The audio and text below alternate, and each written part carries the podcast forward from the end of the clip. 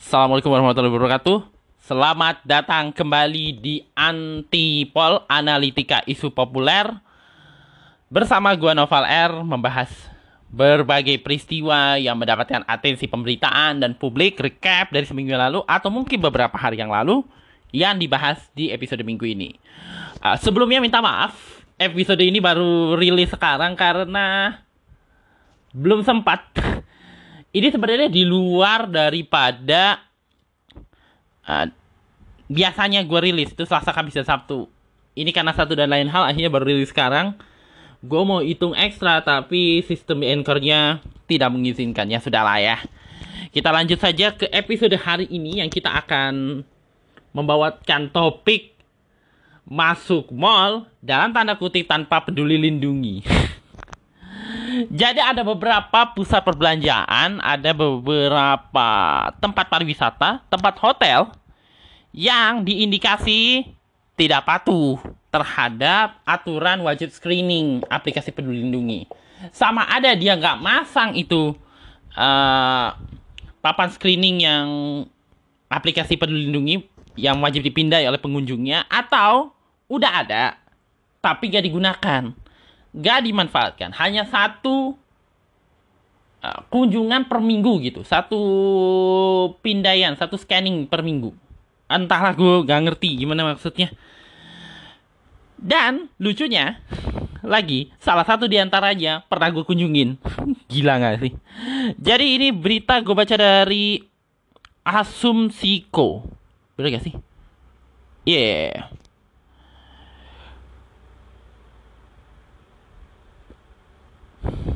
sorry agak nguap. Ini gue baca beritanya dari Asumsiko. Top 10 fasilitas publik yang tidak taat peduli lindungi. Kementerian Kesehatan mengumumkan 10 besar fasilitas publik, baik itu pusat perbelanjaan ataupun fasilitas pariwisata yang tidak patuh pada penggunaan aplikasi peduli lindungi selama kurun 23 Januari sampai dengan 6 Februari 2022. Ya, seperti yang tadi gue buat, uh, mall dan lokasi pariwisata Sejumlah mall dan restoran ditemukan tidak patuh dalam melakukan tracing pengunjungnya melalui aplikasi Peduli Lindungi. Dan pusat-pusat perbelanjaan yang dimaksud adalah ini dia, pusat perbelanjaannya Lingkajati Plaza Jombang, Ramayana Cimone Tanggerang. Ramayana yang deket ini ya, apa tuh terminal. Yang jalannya gue pikir jalan biasa, ternyata jalan terminal. Dulu gue pernah lewat situ buat ada satu pusat expo punya pemerintah kota Tangerang ada acara di situ. Tahun udah lama kayaknya ada ada 2019 kali ya. Ya. Terusnya ini dia batasi BD Ciledug Tangerang. Nanti gue akan cerita soal yang satu ini. Matahari Pekalongan Daya Green Square. Daya Grand Square Makassar. Arta Sedana Negara Jembrana. Ramayana Bungur Asih Sidoarjo Cilengsi Trade Center Bogor, Plaza Festival Jakarta, Transmart Kiara Condong Bandung. Anjir. Kok bisa ya Plaza Festival nggak ada uh, pengunjungnya nggak nggak dikasih pindah atau nggak memindai aplikasi itu? Entahlah, gue pun bingung. Nah, sedangkan hotel yang dianggap tidak atau dianggap lemah dalam pengawasan tracingnya uh, untuk pengunjungnya tracing uh, pindai aplikasi itu adalah Zoom Hotel Surabaya, Viva Hotel Kediri, Zodiac Kebonjati Bandung, Wiz Residence Surabaya, Zest Air Zest Airport Tangerang, Widitya Inn Yogyakarta, Zin Resort Buleleng Bali, Hotel Grand Hotel Tulungagung, Wisma mm, Wisma Suryo Kencono Semarang, Wisma Bahari Parapat Simalungun, ini juga uh, ada juga selain hotel dan pusat perbelanjaan, ada juga restoran yang diklasifikasi tidak taat. Dan malangnya salah satunya ada di dalam mall. Aneh. Tapi ini aneh sih kalau menurut gua. Zenbu Delhi Park Mall Medan, Yeh Gangga Beach Club Tabanan, Zenbu Central Park Mall Jakarta, Yoshinoya Botani Square Bogor, Yami Belitung, Yoshinoya Mall Olympic Garden Malang, Yumeya Jakarta Selatan, Tema Kitchen Restoran Bandung, Yoshinoya Wisma Wismakei Jakarta Pusat, Yoshinoya Plaza Festival Jakarta Selatan. Oke. Dan terakhir ini adalah tempat wisata yang dianggap uh, banyak sekali kelalaian berkaitan dengan ini. Wuri Wukil Sari Bantul, wisata Agro Jolong Pati, Tirta dan kuliner Jahe Klenting Ngawi, Bukit Baro Sukabumi, Pemandian Bekti Harjo Toban, Bumi Ganjaran Lamongan, Kolam Rekreasi Diot Berawah Jembrana, Alam Curug Badak Batu Hanuman Tasik, Negeri Dongeng Blitar. Di Blitar ada Blitar ada negeri dongeng ya? Kok bisa? Ah, gue gak ngerti. Bukan terlalu terkenal banget. Bungor Pertanian Terpadu Karangrejo Tulung Agung. Yang ini, ini menarik, menarik sekali. Jadi itulah uh, kurang lebihnya 40 fasilitas publik, uh, pusat perbelanjaan, tempat wisata, restoran dan hotel yang tidak patuh peduli lindungi. Lucunya, beberapa yang di kategori restoran tadi kalau lu dengar itu sebagian ada di dalam mall dan pusat pusat perkantoran. Atau bisa dikatakan di dalam fasilitas yang memang memasang pelang peduli lindungi. Ini gue sebut ya, tadi yang restoran ini kebanyakan. Zenbu Daily Park Mall Medan, Zenbu Central Park Mall Jakarta, Yoshinoya Botanic Square Bogor, Yoshinoya Mall Olympic Garden Malang, dan Yoshinoya Wisma KI Jakarta Pusat, Yoshinoya Plaza Festival Jakarta Selatan. Nah, ya Yoshinoya Plaza Festival Jakarta Selatan dengan Plaza Festivalnya sendiri, ya, ini dikatakan melanggar. Atau pengunjungnya tidak patuh untuk pindah aplikasi. Tapi masalahnya ada beberapa uh, kedai yang dianggap melanggar Pat, meskipun meskipun di dalam gedungnya mungkin sudah menerapkan aplikasi peduli lindungi untuk di dalam gedungnya ya gue nggak tahu ya yang apa sih namanya ini Zenbu ini di dalam mall atau di luar tapi mereka ada fasilitas ini ada di dalam fas, uh, pusat restoran ini ya ada di dalam fasilitas yang boleh jadi mungkin sebagian besar pengunjungnya patuh untuk pindah aplikasi. Ya banyak yang pakai pindah aplikasi karena kan kalau nggak bisa pindah nggak bisa masuk ya, Bo. Atau mungkin nunjukin ada sih yang bisa nunjukin kayak uh, sertifikat peduli lindungi, tapi kan nggak banyak ya, nggak banyak rasanya. Pertanyaannya adalah kalau memang di tempat itu udah dipasangi pelang seperti itu, ngapain dia pasang pelang, pelang lagi? Nah itu itu jadi masalah juga pertama. Di satu sisi, kenapa ini orang udah masang masih masang pelang juga peduli lindungi, padahal di dalam uh, di dalam pusat perbelanjaan ini udah pasang pelang. Jadinya kan apa ya? Negatif gitu ya penilaian orang gitu kan kalau misalnya didedahkan banyak fasilitas yang nggak perlu dilindungi tapi lah ini kan di dalam mall ya kok bisa dia ini jadi pertanyaan apakah mallnya salah atau memang kedainya ini nggak apa istilahnya berlebihan gitu atau enggak segala macam ada kayak semacam screening pribadi entahlah kita tidak tahu. Itu jadi pertanyaan menarik. Nah gue nggak tahu ini menuai perhatian tapi yang jelas banyak yang memberi salut lah kepada Kementerian Kesehatan karena mendedahkan uh, lokasi-lokasi yang uh, apa bisa dikatakan lokasi-lokasi yang uh, daya tracing atau tingkatan orang untuk nge-scan aplikasi peduli lindunginya level lemah gitu level merah lah istilahnya gitu ya ada yang memuji. Ini di sini di postingan ini aja 413 komentar dan like-nya 9 itu 490 suka. Tapi kalau baca dari sorry. Uh, situsnya pasti lebih panjang lagi, pasti.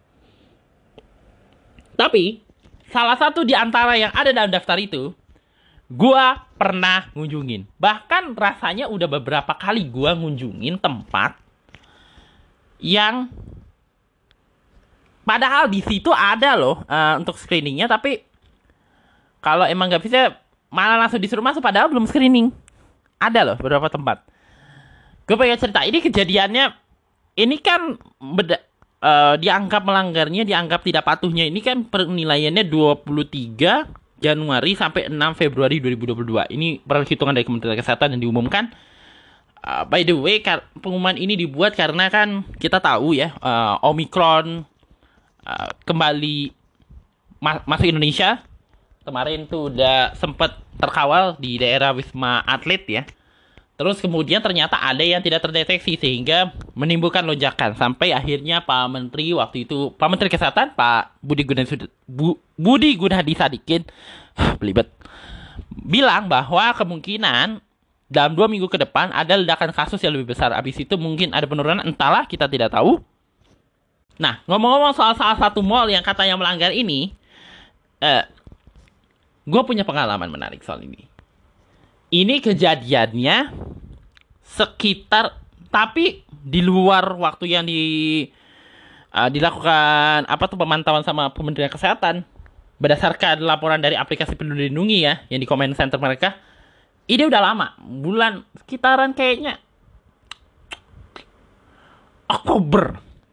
Oktober sekitaran Oktober. Jadi itu gue lagi pengen nonton film Nusa yang gue juga pernah bahas di siniar ini ya siniar sebelum nama Antipol NFL titik di musim pertamanya uh, eh, gue pernah ngebahas jadi gue nonton film gitu kan nonton film Nusa di XS1 CBD Ciledug karena harganya terjangkau lah dengan dompet gue nah itu mall. Jadi gue ke daerah CBD Ciledug gue masuk lewat Bata CBD Ciledug yang kebetulan masuk dalam daftar ini gua itu sebenarnya bisa nge-screening. Sebenarnya di situ ada emang tempat screeningnya itu, tempat untuk kita wajib scan aplikasi Peduli Lindungi. Tapi ada tapinya. Di tempat itu tidak ada yang mengawasi gitu, mengawasi kayak petugas keamanan kayak misalnya di mana ya tuh ya. Gua mau kasih nyari contoh yang pas. IKEA Alam Sutra yang paling ramai kali kunjungi. Itu dari tempat kita peduli lindungi untuk scan peduli lindungi sampai ke tempat kita screening badan dan segala macamnya itu ada pengawalnya ada yang jagain ada yang memastikan uh, antrian mengular biar tetap patuh prokes gitu ya. Tapi di CBD Ciledug ini tepatnya di daerah Batanya ya daerah batas CBD Ciledugnya itu nggak ada. Nggak ada petugas yang ngawasin. Orang bebas aja gitu keluar masuk ke dalam pusat perbelanjaan gitu. Tanpa screening. Ada mungkin screening tapi mungkin tidak banyak. Kan dibilang minimal satu ya. Gue cukup yakin di area entahlah di area lain. Mungkin di pintu masuk yang ada pintu masuk yang ada AW sama Bright Life atau pintu masuk utamanya entahlah gue pun tidak tahu. Tapi di batanya itu itu padahal ada KFC ada bata gue masuk situ. Gue pikir bisa screening tapi orang lain pada nggak screening. Ya udah gue masuk. Yang lebih lucunya lagi lebih parahnya adalah bioskopnya. Bioskopnya pun nggak. Jadi gue mau screening juga di Access One itu. Jadi mau screening nyari-nyari kayak wifi gitu. Tiba-tiba si petugas keamanannya bilang gini pak agak perlu screening pak. Silakan aja masuk. Yang penting udah udah vaksin kan uh, udah udah udah saya bilang kan dalam hati dia bilang, udah pak, saya bilang, ya udah. Oh silahkan gitu masuk. Yang jelas, tapi areanya itu patuh broadcast. Kalau dipikir-pikir ya SS1-nya itu, uh, kursinya berjarak dan segala macam. Tapi screeningnya ini yang salah. Yang kayaknya tidak taat. Dan memang, memang gue ngerasain sendiri gitu. Pas gue baca yang ini berita ini kayak, ah udah enggak Gak salah nih, gak salah lagi emang. Dan bukan hanya di Bata aja gitu. Gue ada beberapa kali masuk ke beberapa tempat. Di situ screeningnya itu nggak wajib ternyata. Yang ternyata screening aplikasi peduli lindungi nggak wajib. Ya nggak apa-apa mas, asalkan uh, mas kalau nggak bisa asalkan iniin apa tuh uh, sertifikat vaksin silahkan masuk katanya gitu. Di beberapa tempat gue tentu nggak sebut.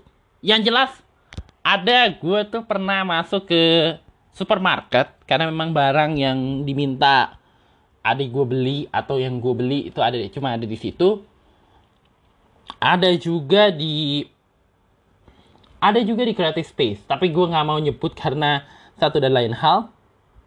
Tentu yang screening lebih banyak daripada yang screening kan tapi ada kayak ngasih longgar gitu ke yang pengunjung yang mungkin kesusahan untuk pindah aplikasi. Ya udah mas. Uh, tunjukin aja sertifikatnya nanti biar petugas kami yang ngituin gitu. Padahal seperti yang kita tahu peduli lindungi ini adalah aplikasi uh, yang ditujukan untuk uh, pemantauan penanganan COVID-19 untuk Indonesia untuk wilayah Indonesia. Dan salah satu fiturnya adalah fitur namanya fitur scan QR uh, fitur scan QR ini ini kebetulan gue ada nih aplikasinya. Ini gue buka. Fitur Q, scan QR ini ditujukan untuk kalau misalnya lu mau masuk ke ruang publik gitu, ke mall, ke hotel, ke tempat wisata, pasar, ada kan pasar kayak pasar modern gitu yang nerapin aplikasi yang wajib masuk aplikasi ini dan ada juga termasuk juga museum, galeri seni dan sebagainya. Nah, kita wajib QR, scan QR code. Gunanya apa? Nah, gunanya apa, Mas? Gunanya adalah untuk screening, untuk tracing, untuk apa ya, Mas? Apa ya? Untuk ke misalnya ya, misalnya misalnya kita masuk ke satu tempat gitu pada satu hari. Nah, suatu ketika ya dalam atau empat atau lima hari setelahnya ternyata kita lagi tes. Kita mau kayak ya isek tes COVID. Ternyata positif COVID-19 ya harus mungkin sama ada lu gejala, kalau gejala ringan pasti isolasi mandiri. Bisa di rumah atau di fasilitas yang ditunjuk pemerintah. Atau kalau misalnya lu gejalanya berat bisa ke rumah sakit dirujuk ke rumah sakit yang rujukan. Nah nanti apa ya istilahnya tuh karena data dia udah ada di Kementerian Kesehatan karena dia punya aplikasi peduli lindungi tentu Kemkes, Kemenkes dan juga rumah sakit ya dalam hal ini lembaga kesehatan ditunjuk akan mencari tahu dia ini sebelum kena COVID ini ke mana aja gitu. Uh, dalam mungkin dalam jangka kalau dulu tuh 10 hari ada ya. Tapi kan virus itu kan masuk pertama kali kita kena sampai uh, inkubasi segala macam ya mungkin kita juga berkegiatan segala macam mungkin dalam adalah seminggu kali ya mungkin. Gue gak ngerti gak ngerti banget. Kayak gue masih belajar deh soal covid ya masih belajar covid deh. Yang jelas seminggu lah.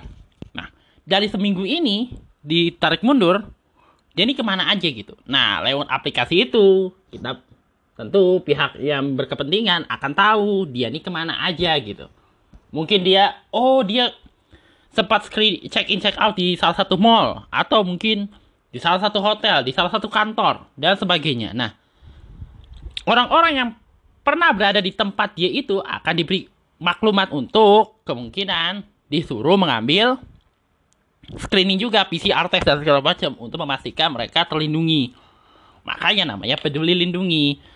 Gitu. Tetapi kan nggak semua fasilitas publik juga menerapkan aplikasi itu. Kebanyakan ya ada fasilitas-fasilitas yang ya namanya juga fasilitas publik ya. Banyak orang yang berkunjung dan pasti akan disorot ya mereka harus memasang dengan di satu sisi untuk melindungi membuat pengunjung merasa selamat ketika oke okay lah mungkin ancaman masih ada tapi gue bisa aman di tempat ini kira-kira gitu kan tapi di saat bersamaan gue cukup yakin ini ya jaga-jaga image juga kan karena kita tahu banyak orang-orang kaya yang mulai tidak tahan dengan pembatasan-pembatasan yang dibuat pemerintah kita tahu soal itu, termasuk masyarakat biasa juga.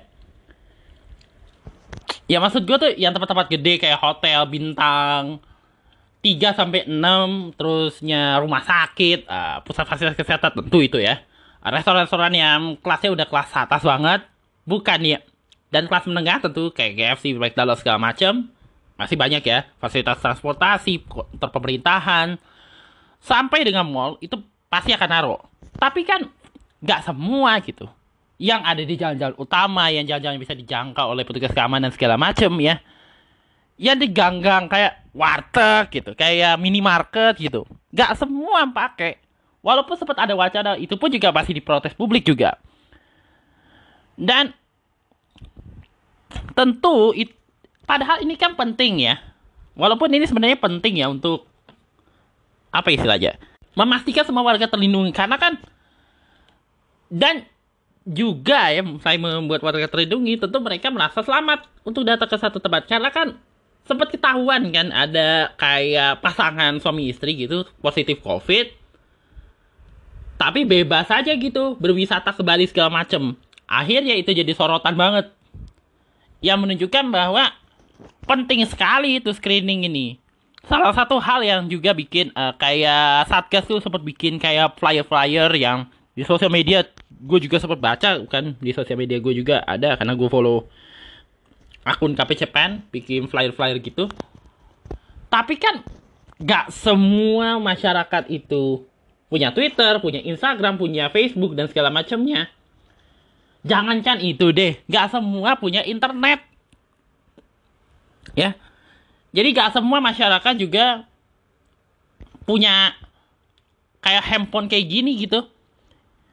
Karena karena keterbatasan biaya dan segala macamnya. Dan juga mungkin nggak mau ngabisin kuota. Mungkin ya mungkin. Mungkin dong. Sehingga ini sih solusi.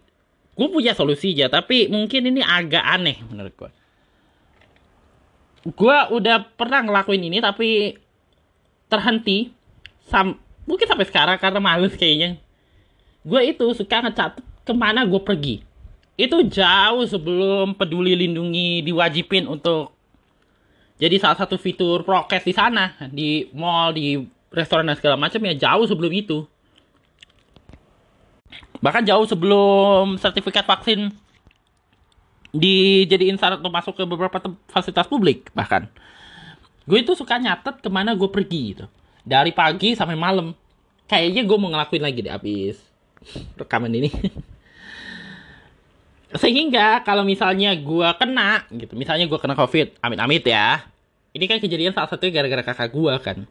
Walaupun kemungkinan katanya karena kontak dengan salah satu rekan yang kena covid juga kalau misalnya gue kena covid gue bisa kasih informasi ke pihak yang berkepentingan sehingga mereka bisa memantau atau memberi informasi. Anda mungkin kemungkinan besar ada di tempat yang sama dengan orang yang kena dinyatakan positif COVID sehingga wajib PCR test dan segala macam. Tentu ini cuma bisa kayaknya untuk tempat-tempat yang nggak ada tempat pedulindunginya. Yang tempat pedulindungi ya kita tetap harus scanning dong. Kalau nggak bisa ya entahlah ya gue pun nggak tahu cara ngejelasinnya gitu. Mestinya sih screening.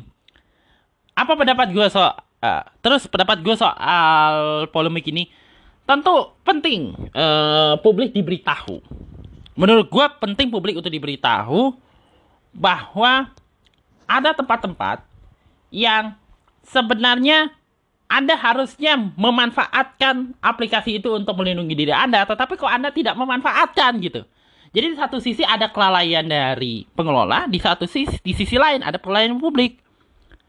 Dan sebenarnya ini akan jadi tantangannya luar biasa karena saat ini kebanyakan masyarakat kita menganggap pandemi sudah selesai. Menganggap kehidupan ini biasa-biasa saja, jadi lepas masker. Jangankan itu deh. Ngantri aja mungkin pada kayak contoh gue sholat di satu tempat ya, sholat Jumat gitu, di salah satu masjid. Abis itu kan ada pembagi makanan, itu pun gak ngantri. Pada berebut itu tolong pak satenya satenya satenya gitu kan. Pada berebut gitu. Dan itu berkerumun karena padahal kan berkerumun aja masih belum jangan jangan gitu deh. Berkerumun aja masih orang pasti nyangsi masih pada parno gitu kan. Jangan kan itu deh. Masih banyak di antara kita yang ogah untuk divaksin mungkin ada juga yang udah divaksin satu tapi gak ambil vaksin dua. Tapi ada yang nggak mau divaksin sama sekali karena satu dan lain hal. Ini tantangan. Tantangan untuk penanganan COVID-19 di Indonesia dan bagaimana fasilitas publik itu memastikan screening mereka betul-betul aman. Membuat pengunjung, membuat orang-orang yang ingin berkunjung ke satu pusat perbelanjaan atau ke tempat yang sebagainya itu merasa aman. Misalnya masuk transportasi publik dan segala macam merasa aman dan terlindungi. Juga memastikan keamanan data pengguna juga tetap ya namanya juga teknologi. Teknologi tidak sempurna kan. Pasti aja ada ada sisi lemahnya yang bisa dimanfaatin sehingga lagi-lagi kerjasama publik itu dibutuhkan dalam situasi gelombang ketiga saat ini. Dan yang terbaik saling mengingatkan, gitu ya, untuk mencegah gitu. Untuk saling mengingatkan untuk patuh protokol dan segala macam, pakai masker, tetap cuci tangan, tetap menghindari kerumunan, kurangi mobilitas, ya kan? Tetap jaga jarak, usahakan tetap jaga jarak. Termasuk dalam household dan segala macam karena boleh rapat tapi gak usah ini ini banget lah ya. Dan kan gue tadi bilang ya ada banyak sekali bahkan kayaknya hampir semua tempat tuh ada nerapin wajib screening aplikasi pelindungi. Tapi kan nggak semua juga nerapin gitu kan karena ya mungkin karena takut kehilangan setoran dan kehilangan pendapatan dan segala macam. Karena kan mereka kebanyakan usaha-usaha ini kan bergantung pada publik ya. Win-win solution. Nah cara pencegahan kita yang terbaik dari kitanya ya adalah ya di tempat-tempat yang nggak ada uh, kayak tempat pelang screeningnya itu ya kita catat. Kita maksudnya kita catat kita di mana gitu. Termasuk juga mungkin tempat-tempat yang kita screening aplikasi. Atau mungkin di situ ada tempatnya tapi kita nggak bisa screening. Dicatat ke mana aja pada jam berapa sampai jam berapa. Nah habis itu nanti misalnya ada satu dan lain hal kita ngambil PCR dan mungkin ya, mungkin ya, positif COVID, kita bisa kasih info kita dulu ke mana aja gitu. Ini satu win-win solution yang menarik sih menurut gua. Ada salah satu upaya kita, kemauan kita untuk repot-repot dikit demi melindungi semua masyarakat.